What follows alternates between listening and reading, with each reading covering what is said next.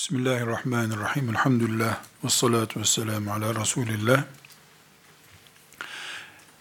Ashab-ı kiram hakkında İmam Gazali'nin El-İktisadu fil İ'tikad isimli kitabından nakil yapacağız demiştik.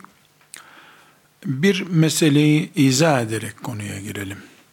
Ashab-ı kiramın varlığı yokluğu konusunda kimsenin itirazı yok. On binlerce insanın veda hutbesini dinlediği zaten biliniyor.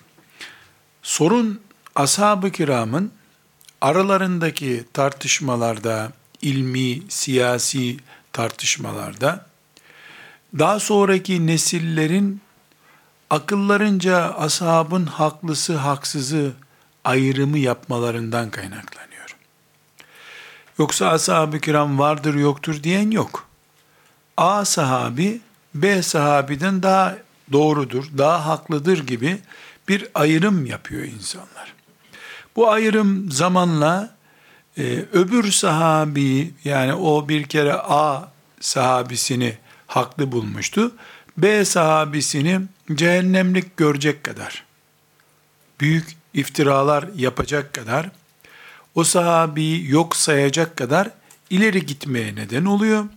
Bu ümmeti Muhammed'in içinde yer yer asırlarca süren ihtilaflı, kavgalı konuların e, oluşmasına da neden oluyor. Bilhassa e, önceleri Mutezile grubu, daha sonra da Şia dediğimiz grup bu konuda ipin ucunu iyice kaçırmış hatalara düştüler. E, en itidalli nokta olarak biraz sonra ölçülerini Gazali'den nakledeceğimiz itidalli nokta sahipleri olarak ehli sünnet ulemasının tavrını e, biz ölçü almayı tercih ederiz. İmam Gazali diyor ki sahabe konusunda iki zıt denecek görüş oluşmuştur. Bunlardan birincisi sahabileri veya sahabilerden bir tanesini masum görecek düzeyde abartarak seven grup vardır. İkinci olarak da sahabeyi sıradan bir insan gibi ileri geri tenkit eden grup olmuştur. Sen sakın bu iki gruptan birisi olma. Ortada dur diyor Gazali rahmetullahi aleyh.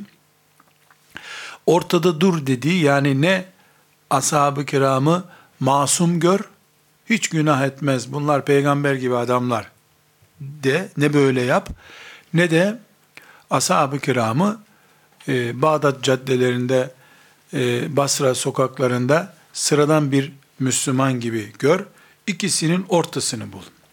Sonra ölçü e, anlamaya yardım edecek bir ölçü veriyor. Diyor ki Allah'ın kitabı muhacirler, ensar ve diğer ashab-ı kiramı öven ayetlerle doludur. E, tevatür derecesinde Resulullah sallallahu aleyhi ve sellemin övme ifadeleri vardır. Hemen hemen her sahabi ile ilgili neredeyse bir ayet, bir hadis vardır. En iyisi Müslümanın ashab-ı kiram hakkında hüsnü zan beslemesidir. Hüsnü zan ne demek kardeşler? Parantez içi bir cümle yapalım bunu. İyi kanaat kullanmak demek. Hüsnü zan sahibi olmak, iyi kanaat kullanmak demek. Her ne kadar Müslümanın onlar hakkında hüsnü zan kullanmasını zorlaştıracak haberler, bilgiler ulaşsa da Müslüman yine ashab-ı kiram hakkında iyi kanaat, hüsnü zan kullanmak zorundadır. Ancak bu şekilde imanını garanti edebilir. Ashab-ı kiram hakkında Gazali devam ediyor. Hikaye olarak anlatılan şeylerin pek çoğu Şiiler ve diğer e, harici fırkalar tarafından uydurulmuştur. Bunları inanılacak konu olarak kabul etmemek zorundasın.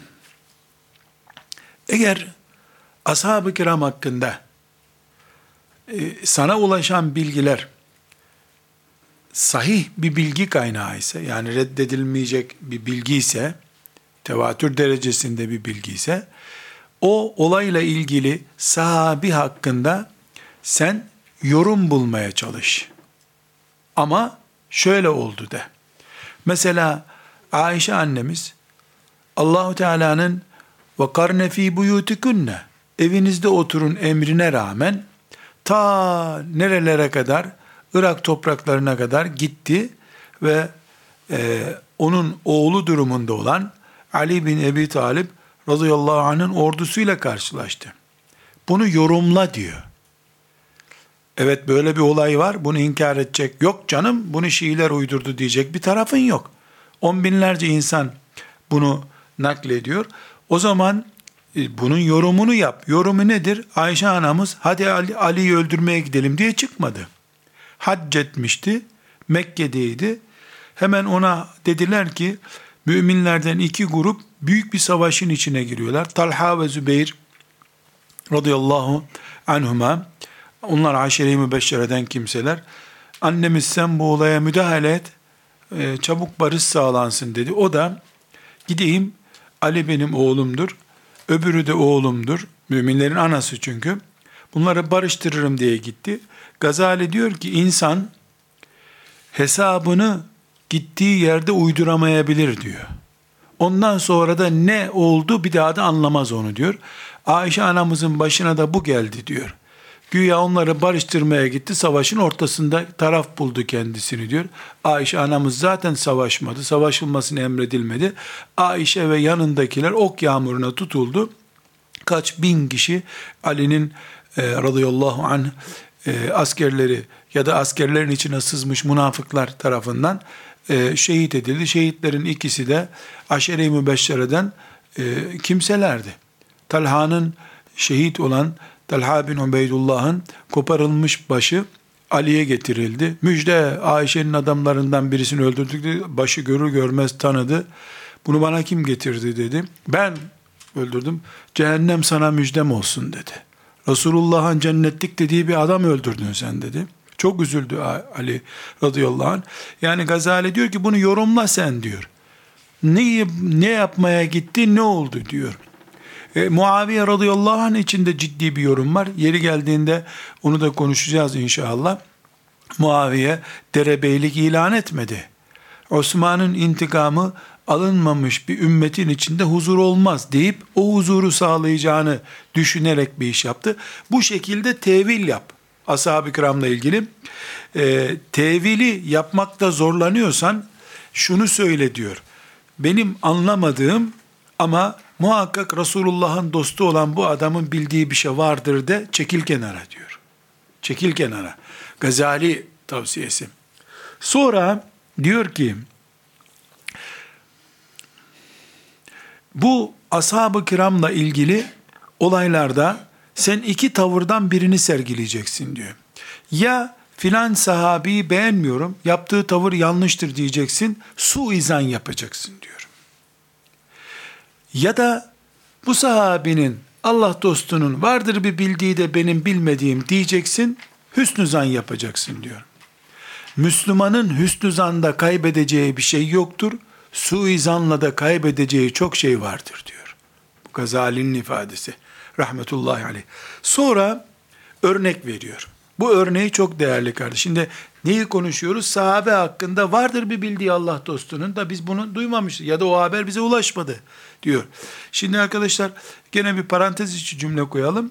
Mesela bir cemaat mensubu, bir tarikat mensubu bir insana diyorsun ki, yahu senin büyüğün şöyle şöyle şöyle şöyle günah işledi.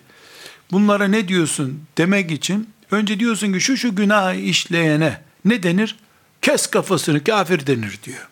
Senin şeyhin bak bugünkü haberlerde vardır bir bildiği onun. Yani sıradan bir Müslüman 20. asırda yaşayan bir Müslüman bile liderini böyle yorumluyor da sana din getiren, Kur'an getiren sahabi niye sen vardır bir bildiği demeyesin ki ya bir şeyh kadar, bir alim kadar, bir cemaat lideri, bir e, grubun lideri kadar da mı saygınlığı yok herhangi bir sahabinin düşünmek lazım.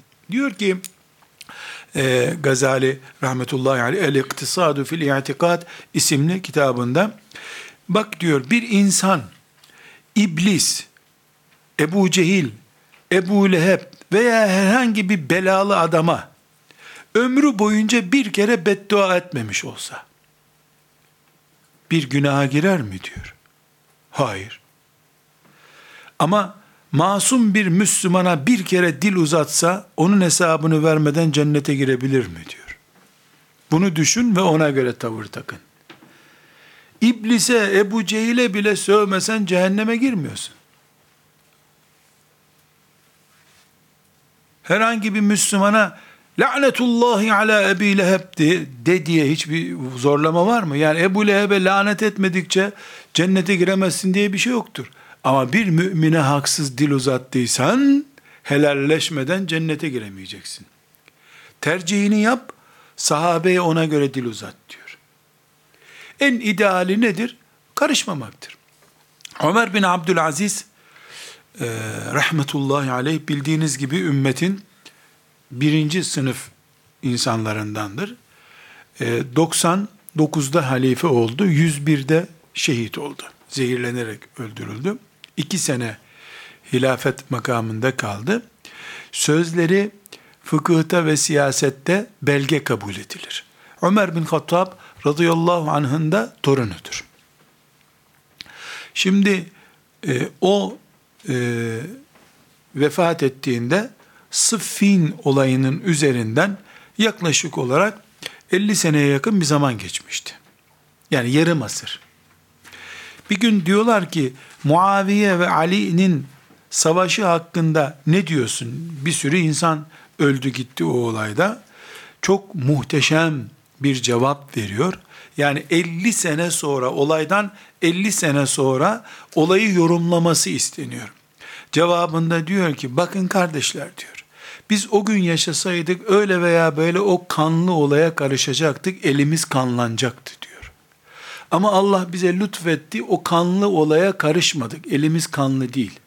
Niye bugün dilimizi kana bulaştıralım ki diyor. Sen o gün Ali'nin veya Muaviye'nin hangisi olursa olsun radıyallahu anhum cemiyen tarafında bulunsaydın elin kana bulaşacaktı. Haklı haksız bir daha kıyamet günü belli olacaktı.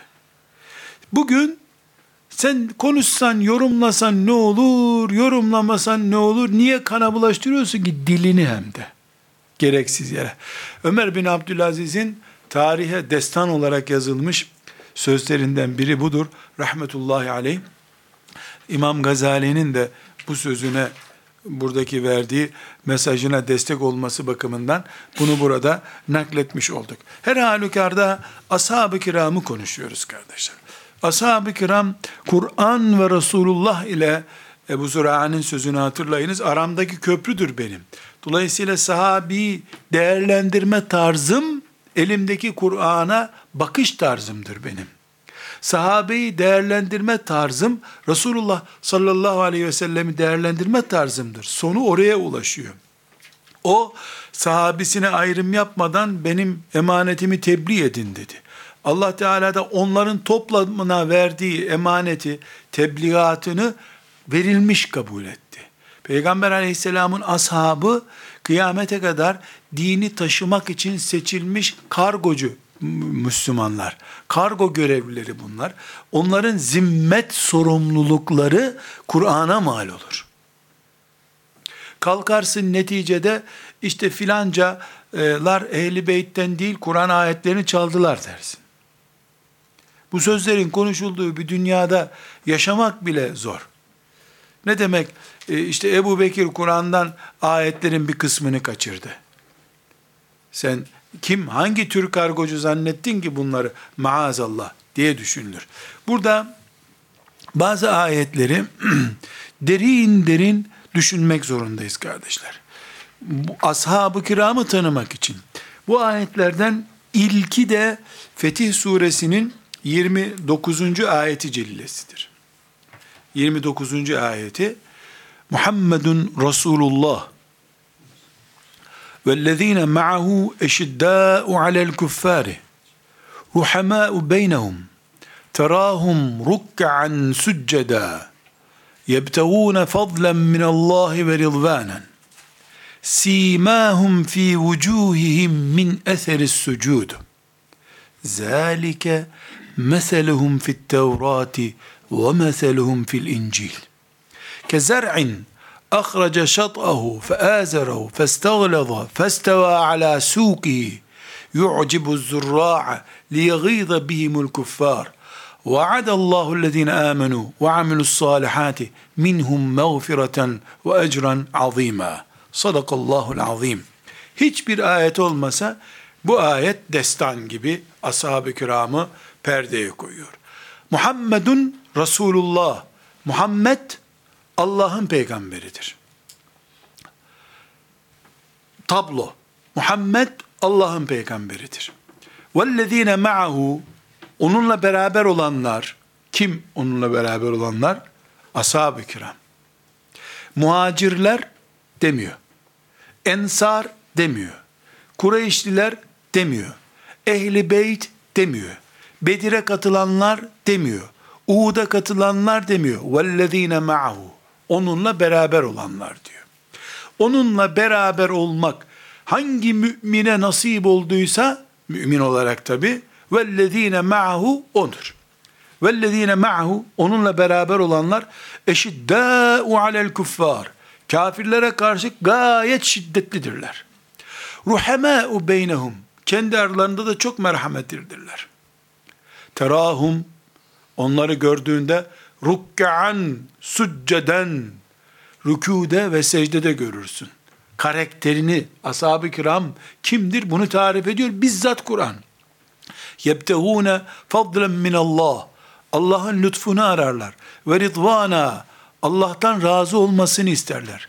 Simahum fi vucuhim. Karakterleri alınlarında yazılıdır simâhum fi vucuhim min eseri sucud. Secdeyi alınlarından okursun. Yani namaz kılarken ki Müslümanlıkları çarşıda da öyledir. Evlerinde de öyle iki yüzlü değildirler. Secdede secde ettikleri alınları Allah yazan, Muhammed yazan bir alın gibidir. Aktır alınları.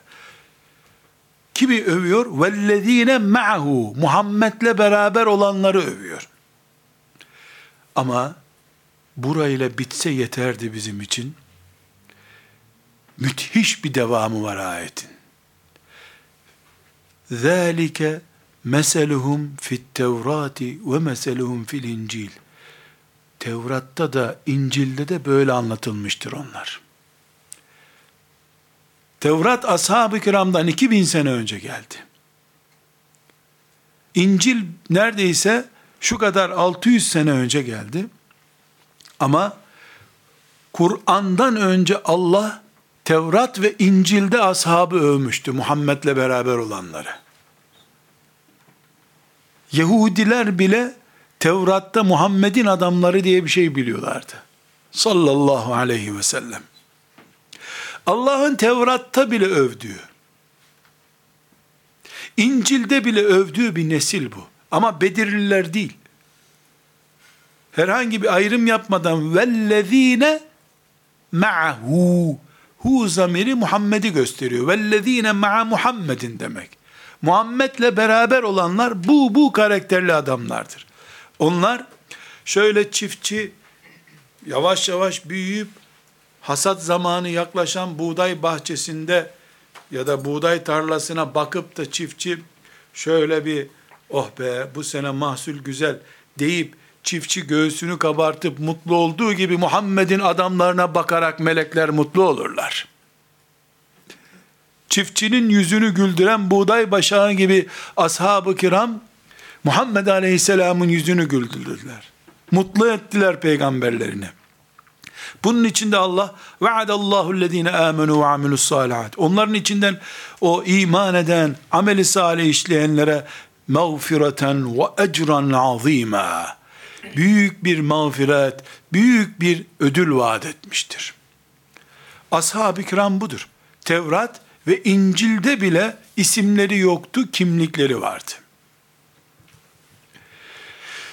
Enfal suresinin 74. ayetinde ashab-ı kirama bakıyoruz. وَالَّذ۪ينَ آمَنُوا وَهَاجَرُوا وَجَاهَدُوا ف۪ي سَب۪يلِ اللّٰهِ وَالَّذ۪ينَ آوَوْا وَنَصَرُوا Ulaike humul mu'minun hakka. Lehum mağfiretun ve rizkun kerim. Vellezine amenu iman eden ve haceru ve hicret edenler ve cahedu fi sebilillah Allah yolunda cihad edenler vellezine avav ve nasaru evlerini açıp ensar olanlar kimi övdü? Kureyşlileri değil. Bedirlileri değil, iman eden, hicret eden, cihad eden, hicret edenlere evini açanlar, yardım edenler, ülaike, bunların hepsi, ülaike Arapçada bütünü kuşatan zamir demek. Ülaike bunlar, humul mu'minune hakkan, hakikaten mümin bunlardırlar. Lehum mağfiretun, bunlar için mağfiret vardır. Ve rizkun kerim, büyük bir rızık vardır. Cömert bir rızık. Niye mağfiret var bunlar için? İman, ameli salih, cihat, ensarlık, e zaten mümin, ulaike humul mu'minune hakka, gerçek mümin bunlar, e gerçek mümin, hakikaten mümin bunlar, lehum mağfiretun, bir sürü de hataları var. Buna rağmen humul mu'minune hakka. Hatalarını affedecek Allah. Dolayısıyla sen çıkıp sahabenin filancası filan yerde filan hatayı işledi. Dolayısıyla sildik onu sahabeden diyemezsin ki. Mağfiret görmüş mücahitler onlar. Lehum mağfiretun ve ecrun azim. Enfal suresinin 74. ayet. Tevbe suresinin 100. ayet. وَالسَّابِكُونَ الْاَوَّلُونَ مِنَ الْمُهَاجِرِينَ وَالْاَنْصَارِ وَالسَّابِكُونَ el-evvelun ilk kazananlar, ilk geçenler demek. Kim? İlk iman edenler. İlk ensar olanlar, Sa'd bin Ubadeler. ilk mücahitler. Vel ensar, ilk muhacirler ve ilk müca- ensar vellezine etteba'uhum bi ihsanin. İyi bir şekilde onlara tabi olanlar.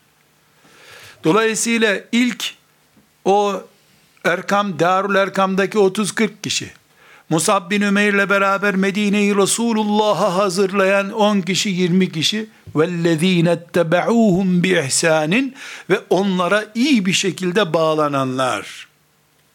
Radıyallahu anhum. Hepsinden Allah razı olmuştur. Ve radu anhu. Onların hepsi de Allah'tan razıdırlar. Ve e'adde lehum cennetin tecri min tahtihel enhar. Allah altından ırmaklar akan cennet hazırlamıştır onlar için. Halidine fiha ebeda. Ebedi olarak o cennette kalacaklar. Zalikel fevzul azim. Büyük kurtuluş da budur zaten. Bu ayet Tevbe suresinin 100. ayet. Neyi vurguluyor? İlklerin ayrıcalığı var şüphesiz. Gerek ensardan, gerek muhacirden. Ama Ebu Bekir'in peşinden giden, Sa'd bin Ubade'nin, Muaz'ın peşinden giden herkesi de Allah onlara katıyor. Ve kıyamete kadar üstelik. Binaenaleyh ashab-ı kiram sıradan kimseler değiller. Fetih suresinin 18. ayeti daha önceki derslerde zikretmiştik. Hudeybiye sulhünde Efendimiz sallallahu aleyhi ve sellem oradaki sahabilerden işte 700 küsür civarında bir sahabiden beyat aldı. Yani Osman'ın intikamını alıp sonuna kadar e, hakkımızı koruyacağımıza ve bu uğurda öleceğimize yeminleşiyoruz diye e, ellerini elini elinin üstüne koydu Efendimiz sallallahu aleyhi ve sellem bu şekilde kanımın son damlasına kadar Resulullah'ın halif e, elçisi Osman'ın intikamını alacağımıza söz veriyorum, yemin ediyorum dedi. Resulullah sallallahu aleyhi ve sellemin eli on, e, onun eli üzerinde bu şekilde sözleşildi. Fetih suresinin 18. ayeti oradaki o 700 küsür sahabi anlatıyor. Şimdi 700 sahabi zaten e, o zamana kadar en büyük ihtimalle sahabi sayısı bilemedin 20 bindi. Yani hemen hemen 3 aşağı 5 yukarı kaba rakamla bir onda biri ashab-ı kiramın oradaydılar. O olayı Fetih suresinin 18. ayeti nasıl yorumluyor? لَقَدْ رَضِيَ اللّٰهُ عَنِ الْمُؤْمِنِينَ iz yubayi'uneke tahte şecereti. Efendimiz sallallahu aleyhi ve sellem bir ağacın altında gölgeleniyordu. Onun için ayet diyor ki o ağacın altında seninle sözleşenlerden Allah razı olmuştur. Lekad radıyallahu.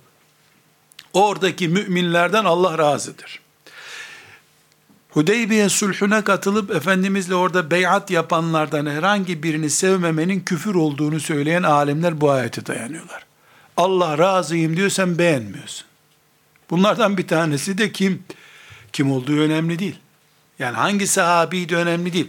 Orada olduğu belli olan sahabinin ayet var hakkında Allah'ın ondan razı oldu.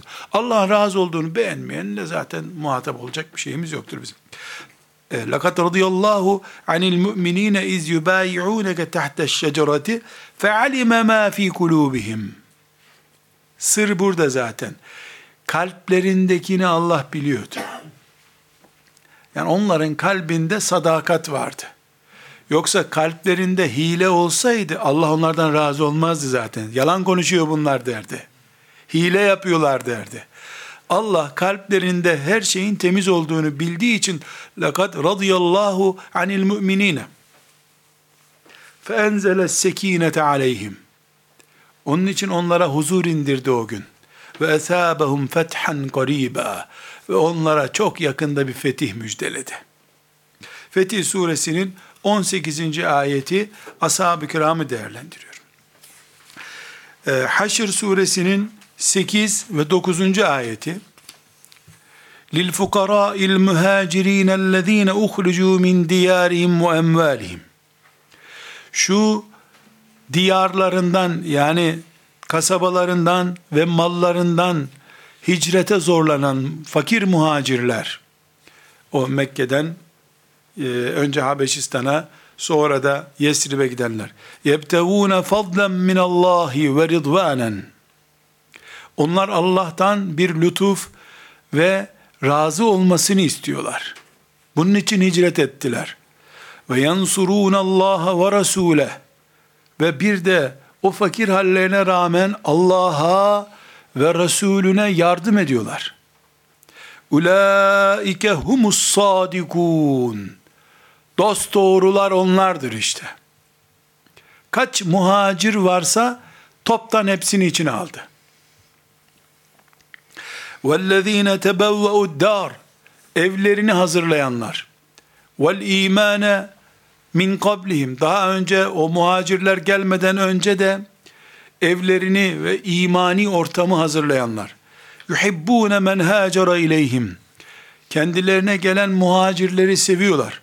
Ve la yecidune fi sudurihim haceten mimma utu. Kalkıp mallarından infak edince gözleri o mallarda kalmıyor. Veriyorlar, unutuyorlar ve yu'sirûne alâ enfusihim velev kâne bihim hasâsa. Kendileri o mala muhtaç olduğu halde muhacir kardeşlerine veriyorlar. Bu da ensarı zikrediyor. Ömen yuka şuhha nefsi. Kim bu şekilde bir cimrilikten arındıysa o ensar gibi feulaike humul muflihun. Onlar kurtulmuşlardır. Birinci ayet 8. ayeti Haşr suresinin muhacirlerin fakirlerini anlatıyor. 9. ayeti de onları bağırlarına basan ensarı anlatıyor. Birisi için sadık müminler onlardır. Öbürleri için de felah bulmuş, kurtulmuş müminler onlardır diyor. Kur'an-ı Kerim'de ashab-ı kiramla ilgili başka ayetler de var. Ama her halükarda bir tefsir dersi yapmadığımız için bunların bir tanesi yeterli zaten. Beşine gerek yok. Bir tanesi yeterli. Ama her halükarda imanımız daha kavi olsun. Yüzde yüz Rabbimizin e, bizden beklediği imana kavuşalım diye birkaçını okumuş olduk. Hadisi şeriflerden e, zikretmemiz gerekenler var. Nedir gündemimiz? Uhud'da şehit olan, filan gün e, aç kaldığı için karnına taş bağlayan, gelip de ya Resulallah seni çok seviyorum deyip duygusal sahneleri bize yaşatan sahabileri konuşmuyorum. Sahabeye Müslümanlığımızın mahallesinde bir yer bulmaya çalışıyorum. Nereye oturtacağız ashab-ı kiramı? Ahirete iman edeceğiz. Ahireti kendilerinden öğrendiğimiz ashaba yer bulamayacağız. Ama ahirete iman ediyoruz. Bu bir çelişki olur. Onun için ashab-ı kiramı bir yere oturtuyoruz. Onun için filan sahabinin, Musab bin Ümeyr'in dizini örtecek kadar bir elbisesi bulunmadan bu dünyadan şehit olup gömülüp gidilmesinden önce Musab kafasına bizim kafalarımızda bir yer bulma ihtiyacını perçinlemeye çalışıyoruz.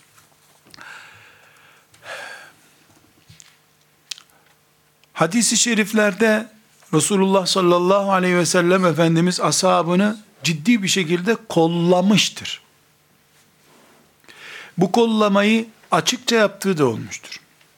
O kadar ki ashabının içindeki tartışmalar anında eski sahabesini yenisine karşı kollamıştır. Ebu Bekir'e hafif bir sataşılacağı hissettiğinde sizi Allah'a salarım Ebu Bekir'i bana bırakın demiştir. Ben Allah'ın peygamberiyim dediğimiz zaman, dediğim zaman siz hanımlarınızla beraberdiniz. O da benimle beraberdi. Bırakın Ebu Bekir'i bana. Haklı haksız sormuyor ama. Ebu Bekir'i bana bırakacaksınız diyor. Sahabenin içinde bile bir e, kıdem farkı gözetiyor. Bir de 10 asır sonra, 14 asır sonra gelip sahabelikle değil, e, neyle bağ olduğu bile belli olmayan birileri Ebu Bekir'e dil uzatırsa maazallah. Efendimiz sallallahu aleyhi ve sellem gizli ifadelerle değil, açık seçik ifadelerle ashabını kollamıştır. Çünkü gerekçesini de söylüyor. Ebu Bekir'in malıyla bugünlere geldim ben diyor. Vefa. Herkes bir kenardaydı, Ebu Bekir yanımdaydı diyor. Her halükarda ashab-ı kiramı blok olarak, bir kitle olarak da aleyhissalatü vesselam Efendimiz sahiplenmiştir. Bukhari'nin ve Müslim'in rivayet ettiği meşhur hadisi şerif, diğer hadis kitaplarında da var da özellikle Bukhari'de 6429. hadisi şeriftir. Müslim'de 2533. hadisi şeriftir. Abdullah İbni Mes'ud radıyallahu anh'ın rivayet ettiği hadis-i şeriftir. E, bu hadisi şerif çok meşhur hepimizin bildiği hayrun nasi karni. İnsanların en hayırlısı benim zamanımda yaşayanlardır. Mümin insanlar tabi. Sümmellezine yelunehum. Sonra peşlerinden gelenler. Sümmellezine yelunehum. Sonra onların peşinden gelenler. Demek ki bir numara ashab-ı kiram. Sonra tabi yani onları görenler. Sonra onları gelenler. Buraya bir noktalı virgül koyuyoruz. İfadeye dikkat et. Sonra öyle bir nesil gelecek ki yemin etmeden önce şahitlik yapacaklar. Şahitlik yapıyor, yemin yapıyor, yalan yapıyor hiç önemli değil onun için. Önce yemin mi yaptı, şahitlik mi yaptı? Onun için önemli değil. Yani insanların yeminine bile güvenilmeyecek bir zaman gelecek. Ama onun ashabının zamanı öyle değil. Sözleri senet adamlar onlar. Bu hadisin İbn Mace'nin 2221. hadisinde ilavesi var. Buhari, Müslim bu kadar bu hadisi ulaşmışlar. Buhari ve Müslim'in hocaları bu hadisi bu kadar duymuşlar. İbn Mace'nin hocası ise bu hadisin devamını dinlemiş. O da diyor ki sümme yeti min ba'dihim kavmun yetesemmenune ve yuhibbune simen. Sonra da göbekli olmaktan hoşlanan bir nesil gelecek. Göbekli olmaktan. ashab-ı kiramın göbeği olamadı. Çöllerde yaya yürüdükleri için Tebü'ye şu kadar kilometre 500-600 kilometre yürüyerek gittikleri için sırtlarındaki tecihizatlarıyla beraber göbek tutamadılar. Yağlayamadılar göbeklerini. Yani şu bir mucizedir kardeşlerim. Göbekli, göbeği yağ bağlamış, ensesi yağ bağlamış adamlar bu mücahitleri konuşacaklar. Da buna şu kadar puan, buna bu kadar puan verelim diyecekler. Resulullah hayrul kuruni karni, hayrun nasi karni diyecek. Sallallahu aleyhi ve sellem göbeği yağ bağlamış. Yanağı aşağı sarkıtmış fazla yağdan insanlar gelecekler böyle değil diyecekler. O değerli bu değersiz diyecekler. Bu da bir kıyamet alameti maazallah. Ebu Said el-Hudri radıyallahu anh'ın Bukhari'de 3673. hadis, Müslim'de 2540. hadis, Ebu Davud'da 4658. hadis, Tirmizi'de 3861. hadis, İbn Mace'de 161. hadiste aleyhissalatu vesselam Efendimiz Ebu Said el-Hudri rivayet ediyor. Ee, ashabıma hakaret etmeyin. Sizden biriniz Uhud dağı büyüklüğünde altın olarak sadaka verseniz, yani Uhud dağı kadar büyük bir altını Allah için sadaka verseniz, benim ashabımdan birisinin bir avuç buğdayının sadakası sevabına ulaşamazsınız. Ashabım dediği zaman herkesi kastetti. Bir iki sahabi demiyor.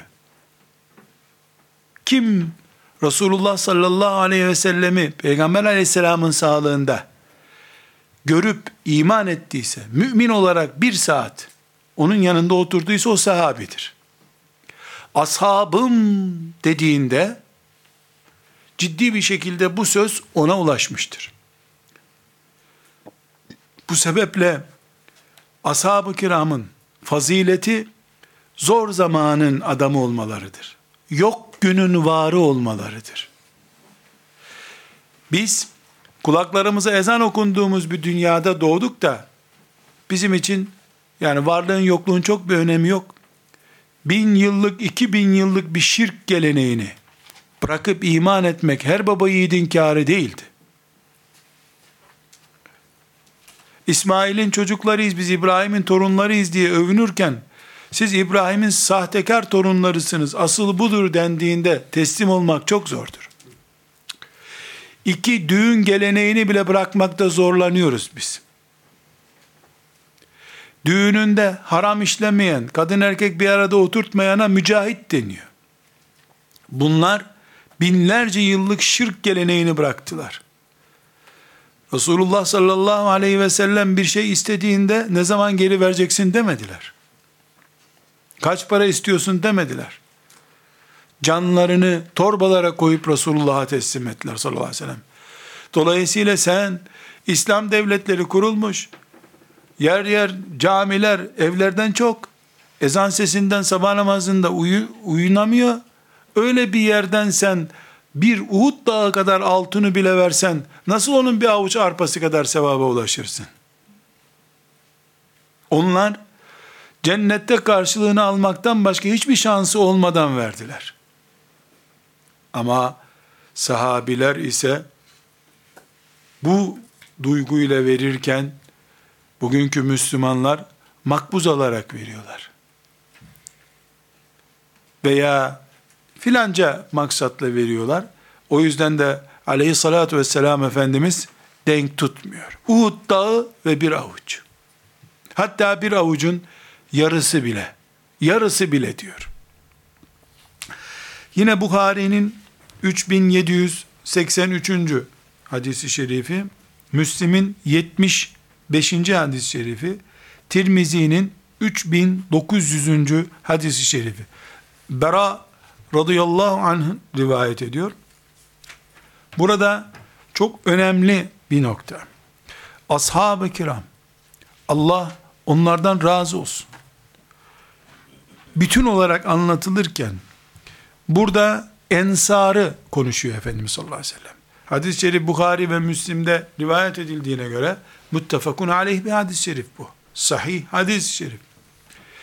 Buyuruyor ki sallallahu aleyhi ve sellem Efendimiz ensarı ancak mümin sever. Ensara münafıktan başkası buğz etmez.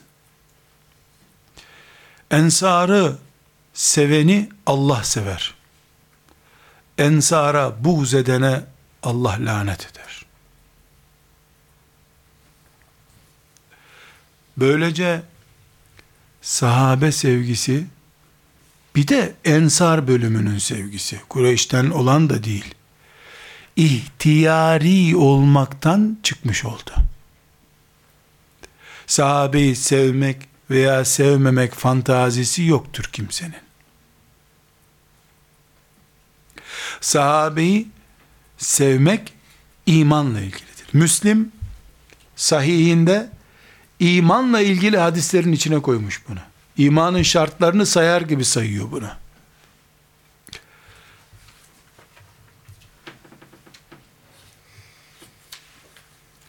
Burada bir ayete tekrar döneceğiz. Nisa suresinin 95. ayetini okuyacağım. Ee, Hadid suresinin 10. ayetinde de aynı konu vardır. Oradan da okuyabiliriz. Bu iki ayette Allahu Teala fetihten öncesi ve fetihten sonrası diye ayrım yapıyor. Mallarını Allah yolunda infak eden, cihad edenler ve geri kalanlar diye ayrım yapıyor. Kim için? Ashab-ı kiram için. Mekke'nin fethi biliyorsunuz bir dönüm noktasıdır, milattır. Fetihten önce ve fetihten sonra. Fetihten sonra aleyhissalatü vesselam Efendimiz kimsenin yardımına muhtaç olmadı artık. Devlet devlet e, dünya devleti durumuna geldi. İnsanlar da kitle kitle iman ettikleri için kimsenin iman edecek misin diye de yalvarılacak, yalvarılacak hali kalmadı. O yüzden fetihten önce gelip iman edenler zor zamanın müminleri. Onlara daha çok sevap vereceğiz Allah buyuruyor. Daha çok sevap vereceğiz. Fetihten sonra gelenler az sevap kazanacaklar. Bu iki surenin Nisa suresinin ve Hadis suresinin bu iki ayetinde çok enteresan. Şimdi açıkça ayet ne diyor? Fetihten öncekiler asıl adamlar diyor. Fetihten sonrakiler geri kaldılar diyor. Ama ayet bitmiyor. Ve küllen vaadallahu'l husna. Ama Allah her iki gruba da cennet sözü verdi buyuruyor. Aralarında cennetteki makamlar açısından fark var. Resulullah görmek, onun elini öpmek, eline tutmak öyle bir şereftir ki Mekke'nin fethinden sonra Ebu Sufyan gibi ve benzerleri gibi sana hiç muhtaç olunmadı etmesen etme iman denecek bir zamanda iman edenlerine bile ve küllen hepsine birinci ve ikinci grubun hepsine milattan önce ve milattan sonrakilerin hepsine vaadallahu'l husna cennet sözümüz vardır. Halbuki bilhassa fetihten sonra gelenler çaresiz kalıp Müslüman oldular. Yapacak başka hiçbir şeyleri yoktu zaten. Yani e, yakayı ele vermişlerdi. Buna rağmen değil mi Muhammed Aleyhisselam'ın elini öptüler bitti. Ve kullen vaadallahu'l husna. Vaadallahu'l husna. Burada bütün sözlerin bitmiş olması lazım. Bundan sonra hiçbir söz konuşmaya gerek yoktur. Peki Haşr suresinin 10. ayetini ne edeceğiz şimdi? Ashab-ı kiramın cihadını, mücadelesini anlatan surelerden biridir. Haşr suresi. Özellikle Taif gazvesine kadar olan bölümü zikrediyor. Cihadı anlatıyor. Asap yaptılar, ettiler. Allah onlardan razı olsun. وَالَّذ۪ينَ جَاءُوا مِنْ بَعْدِهِمْ Onlardan sonra gelenler, onlardan sonra gelenler, o peygamberleri bağrına basanlar, o evlerini, barklarını Resulullah'a ve Resulullah'la gelen muhacirlere açanlar, Mekke'yi bile Resulullah'ın hatırı için terk edenler, din için hicret edenler, onlar bir nesildi. وَالَّذ۪ينَ جَاءُوا مِنْ بَعْدِهِمْ o nesilden sonra gelenler, Ali haklıydı deyip hak yedirmezler demiyor ayet. Yekulune derler ki Rabbena ufir lena ey Rabbimiz bizi mağfiret buyur. Ve li ihvaninellezine sebekuna bil iman. Bizden önce iman eden mümin kardeşlerimiz de mağfiret buyur derler. Ashaba dua ederler la tec'al fi kulubina gillen lillezine amenu kalbimizde o bizden önce iman edenlere karşı bir nefret bırakma ya Rabbi sakın. Rabbena inneke raufur rahim. Çünkü sen rauf ve rahimsin. Acırsın, merhamet edersin ya Rabbi. Bu ayet Haşr suresinin 10. ayeti. Çok net bir uslupla hiç lamı cimi yok, evirip çevirecek bir şey yok. Vallahi İbn Abbas ne dedi filan diyecek bir hal yok. Haşr suresinin konusu belli. Ashabın cihadını anlatıyor. Sonra gelenler bu nesli böyle anacaklar diyor. Anmalıdırlar diyor. Bunun için sahabeden biri anıldığında hazret denmez. Radıyallahu anh denir. Allah ondan razı olsun denir. Çünkü yekuluna rabbena ufir lena ve li ihvaninellezine sebekuna bil iman diyor Allah. Dua edin onlar için diyor. Hazret beyefendi demektir. Sayın demek. Bu, bu ayetin anlattığı şey değil. Zaten ne menen bir şeydir ki Allah demek için Hazreti Allah. Peygamber Hazreti Peygamber. Ebu Bekir Hazreti Ebu Bekir. Mevlana Hazreti Mevlana. Bizim beyefendi hazretleri de ayrı bir hazret tabi. Bu hazretlerin hangisi kime kaç puanlık? Uyduruk olunca kelime yerini bulmuyor. Ama radıyallahu anhum ve radu anh dediği için Kur'an sahabeye radıyallahu anh diyorsun ayete uyuyorsun. Sallu alen nebi diyor Kur'an-ı Kerim sallallahu aleyhi ve sellem diyorsun peygambere ayete uymuş oluyorsun. Sen uydurdun mu eh işte hazretlik bir şey çıkıyor piyasaya. Buradan sözleri bitirdik. Söze gerek kalmadı. Allah ashabı Kur'an'ında bir yere oturttu. Haddinizi bilin, siz sadece onlara dua edin, size bu dini ulaştırdıkları için. Musa'nın ashabının Musa'ya yaptığı gibi yapsalardı, neredeydi İslamiyet şimdi? Hristiyanların İsa aleyhisselamdan sonra yaptığı gibi 500 çeşit Kur'an gelseydi bize ne edecektik şimdi? Ebu Bekir olup da Kur'an'ı cem edip de bir musaf olarak bize getirmeseydi ne yapacaktık biz? Radıyallahu anhum sözlerin en sonudur. Bitti. Radıyallahu anhum. Ashabı sevmek bir hanımefendilik, beyefendilik değildir. Müminliktir. Çünkü onları sevmek iman alametidir. Buğz etmek de nifak alametidir. Hadisi şerifi gördük. Şu kadar ki iki başlığı daha kısaca değinmem lazım.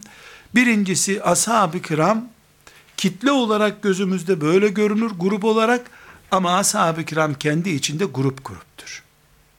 Seviyeleri farklıdır. Bir bu ashab seviye, seviye farkına dikkat edeceğiz. İkincisi de ashabın içinde bir de ehli beyt var. Bütün böyle konuş konuş konuş koca laflar koca laflar ehli beyt unuttun mu iman gene zedelenir. Maazallah. Ashab-ı kiramın içindeki seviye farklılığı yani e, amelleri, ihlasları vesairesi şöyle bir tablo çizebiliriz arkadaşlar. Önce ümmeti Muhammed var sallallahu aleyhi ve sellem. Bu en büyük dairemizdir bizim. Resulullah sallallahu aleyhi ve sellem Efendimiz'i çıkarıyoruz. Onun dışındaki ümmeti Muhammed diyoruz. Bu ümmeti Muhammed'in içindeki küçük daireye ashab-ı kiram diyoruz. Ümmeti Muhammed insanlığın en değerlisi. Onların içinde, ümmeti Muhammed'in içinde ashab-ı kiram değerli Ashab-ı kiramın içinde de biraz önce sözünü ettiğimiz Hudeybiye sulhünde Resulullah sallallahu aleyhi ve sellemle beyat edenler değerli. Ağacın altındakiler deniyor bunlara. O sözünü ettiğimiz hani Fetih suresinin لَقَدْ رَضِيَ اللّٰهُ عَنِ الْمُؤْمِنِينَ اِذْ يُبَايِعُونَكَ تَحْتَ الشَّجَرَةِ ayetindekiler. Ümmeti Muhammed, onun içinde ashab-ı kiram dairesi, onun içinde de bu Hudeybiye sulhüne katılıp Resulullah sallallahu aleyhi ve sellemle beyat edenler. Onun içindeki küçük, küçük daire Bedirliler. 313 kişi. 313 Cebrail diyebiliriz bunlar. Her biri Cebrail düzeyinde neredeyse büyük insanlar. En onun içindeki o e, Hudeybiye sulhüne katılan ağacın altındaki beyatçilerden sonra küçük daire Bedirliler. Bedirliler o 313 kişi onlar. Onların rakamı tam belli. Onların içinde de aşere-i mübeşşere, cennetle müjdelenmiş en değerli 10 kişi. Radıyallahu anhüm. O 10 kişinin içindeki küçük daire de ilk dördü olan Raşid halifelerdir. Ve onların özü de ilk numarada Ebu Bekir radıyallahu anh'tır. Aşağıdan yukarı doğru gittiğimizde Ebu Bekir, Raşid dört halife, Aşere-i Mübeşşere on kişi, Bedirliler, ağacın altındakiler, ashab-ı kiram, ümmeti Muhammed sallallahu aleyhi ve sellem. Ümmeti Muhammed'in üstünlüğü küntüm hayra ümmetin uhicet linnas ayetinden belli. Allah çok açık ve seçik bunu emir buyuruyor. Ondan sonra e, ashab-ı kiramı ayetleri okuduk. Ağacın altındakileri Fetih suresinin ayetinden okuduk. Bedirliler hakkında çok açık hadisi şerif var. Allah Bedir halkı için yani o 313 kişi için bundan sonra ne yaparsanız yapın bütün günahlarınızı mağfiret ettim diye gelecekteki günahlarını affettiğini haber veriyor. Sallallahu aleyhi ve sellem Efendimiz 10 kişilik aşire-i mübeşşere hadisi de Tirmizi'de 3747. hadisi şeriftir. Efendimiz sallallahu aleyhi ve sellem Ebu Bekir cennettedir, Ömer cennettedir, Osman cennettedir, Ali cennettedir, Talha cennettedir, Ebu Ubeyde cennettedir diye sırayla saydı. Radıyallahu anhum cemiyan. Raşid halifeleri de defalarca zikrettiği için Ebu Bekir'i de kimseyle pazarlık etmediği için bir tane tuttuğu için Ebu Bekir'i vefatından çok az bir zaman önce e, Efendimiz sallallahu aleyhi ve sellemin e, türbeyi şerifini e, üç aşağı beş yukarı tahmin edin. Onun etrafında e, dikdörtgen şeklinde bir evcikler olduğunu kabul edin. O evciklerin pencereleri var. Herkes bir pencerecik yapmış. Efendimiz oradan görmeye çalışıyor. Efendimiz sallallahu aleyhi ve sellem e, e, mahremiyet meselesi de var tabi. Yani Efendimizin evine giriş çıkışında görülüyor gibi. Bu pencerelerin hepsini kapatın Ebu Bekir'inki kalsın buyurmuş. Böylece Ebu Bekir'le ilgili kimseyle pazarlığı yok. Kimseyle yok ama. Bana bana ashabımı bırakın dediğinde Ebu Bekir'di o ashabı. Çok da haklı değildi belki Ebu Bekir o tartışmada. Çünkü peygamberlik vefayı gerektirir. Zor günün adamına o vefalı davranmayacak da kim davranacak? Ashab-ı kiram arasında böyle bir üstünlük ve seviye vardır. Ama bu onların içindeki bir mesele.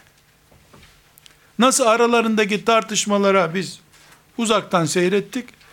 Biz onların arasında Ebu Bekir bir numara 12 puan daha düşük Ömer böyle çocukça bir şey yapmayız. Bizim açımızdan hepsi başımızın tacıdır. Bir de ehli beyt var kardeşler. ashab-ı kiramı konuşup ehli beyti konuşmasak alimallah başımıza gökten taş düşer. Ehli beyt demek Resulullah sallallahu aleyhi ve sellemin özel ailesi demek.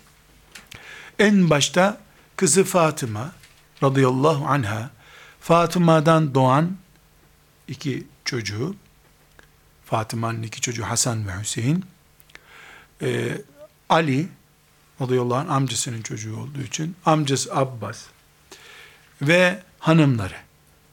Bunlar yani Efendimiz sallallahu aleyhi ve sellemin akşam sofrasında oturup yemek yediği aile efradı demek. Bunlara topluca ehli beyt denir. Ehli beyt de kendi arasında e, bu sözünü ettiğim Fatıma, Ali ve iki torunu en yakın ehli beyti, hanımları da o yakının yakınındaki ehli beyti oluyor. Çünkü hanımları başka ailelerin çocukları olarak onun eviyle şereflendiler. Ama her halükarda hepsine ehli beyt diyoruz. Ehli beyti ashab-ı kiramın artı bir puan üstünde görüyoruz. Çünkü Efendimiz sallallahu aleyhi ve sellem namaz kılarken bile ehli beyte salat etmemizi emretmiştir. Allahümme salli ala Muhammedin ve ala ali Muhammed. Ey Allah'ım, Peygamberin Muhammed aleyhisselama salat et, ehli beytine de salat et. Kim 10 rekat namaz kılıyorsa 10 defa en azından ama normalde 20 defa Resulullah sallallahu aleyhi ve selleme salat ediyor. Hanımlarına, çocuklarına, kızına salat ediyor. Biz Peygamber Efendimiz sallallahu aleyhi ve sellemin ehli beytini çok işte etnik olaylardan dolayı sevmiyoruz. Cennete girebilmek için seviyoruz. Ehli beytini sevmeden Resulullah'ı sevdiğimizi ispat edemeyiz. O yüzden seviyoruz. Ve ehli beytin ümmeti Muhammed'de hakkı vardır diye düşünüyoruz. Nedir bu hakkı? Cihattan kazanılan ganimetin beşte biri ehli beytindir. Peygamber Efendimizin torunlarınındır. Çünkü ehli beyt e, kıyamete kadar devam edecek. Ehli beyte aynı şekilde salat getirmek de onların üzerimizdeki hakkıdır. Salat onlara dua etmek demek. Ancak, ancak ehli beyt masum değildir. Çünkü Resulullah sallallahu aleyhi ve sellem aleyhi ve sellem'den başka hiç kimsenin masumluğu yoktur. Ehli beyt gözümüzün akıdır. Gözümüzün suyudur, şifasıdır ama peygamber değiller. Peygamber çocuklarılar. Ve ehli beyt Resulullah sallallahu aleyhi ve sellemin mirasını yaşatanlara ancak simge olarak verilebilir. Meyhane köşesinde ehli beyt aramayız biz. Sabah namazında ararız. Sabah namazında Resulullah'ın sünnetini kılarken ehli beyti seçeriz. Köy kahvesinde ehli beyt adam bulmayız biz. Zaten ehli beytten olan biri en azından nazardan korunmak için kendini gizler. Ticaretini yapınca şecere istenir insandan. Ehli beytten olmak insanın alnından okunmalı. İlanından değil. Böyle bir ehli beyt bağlılığımız da vardır. Yani ashab-ı kiramı konuştuk. Ashab-ı kiramı konuştuğumuz bir yerde ehli beyti üç kere konuşmamız lazım. Çünkü ashab-ı kiramla ilgili belki bir kenarda iki kelime az konuşulabilir. Ehli beyte tazim ve tebcil yapmak mecburiyetimizdir. Aziz kardeşlerim ne konuşuyoruz? İmanımız bizi Resulullah'a bağlıyor diyoruz. Aleyhissalatü vesselam. Onu ancak getirdiği Kur'an'la, verdiği hadisleriyle alabiliriz diyoruz. Yoksa 1425 sene önce öldü gitti. O zaman peygamberimiz yok bizim. Kur'an'ı ve hadisleri elimizde ama onları bize getiren ashabı tanımadıkça hadis de okuyamayız, hadisle diriliş de yapamayız. O zaman kendimizi putlaştırırız. Hocalarımızı put yaparız.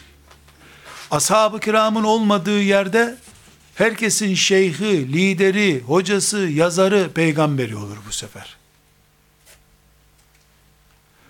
İsa Aleyhisselam'ın ümmetinin başına gelen gibi.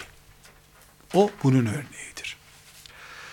Ve sallallahu ve sellem ala seyyidina Muhammed ve ala alihi ve sahbihi ecma'in velhamdülillahi rabbil alemin.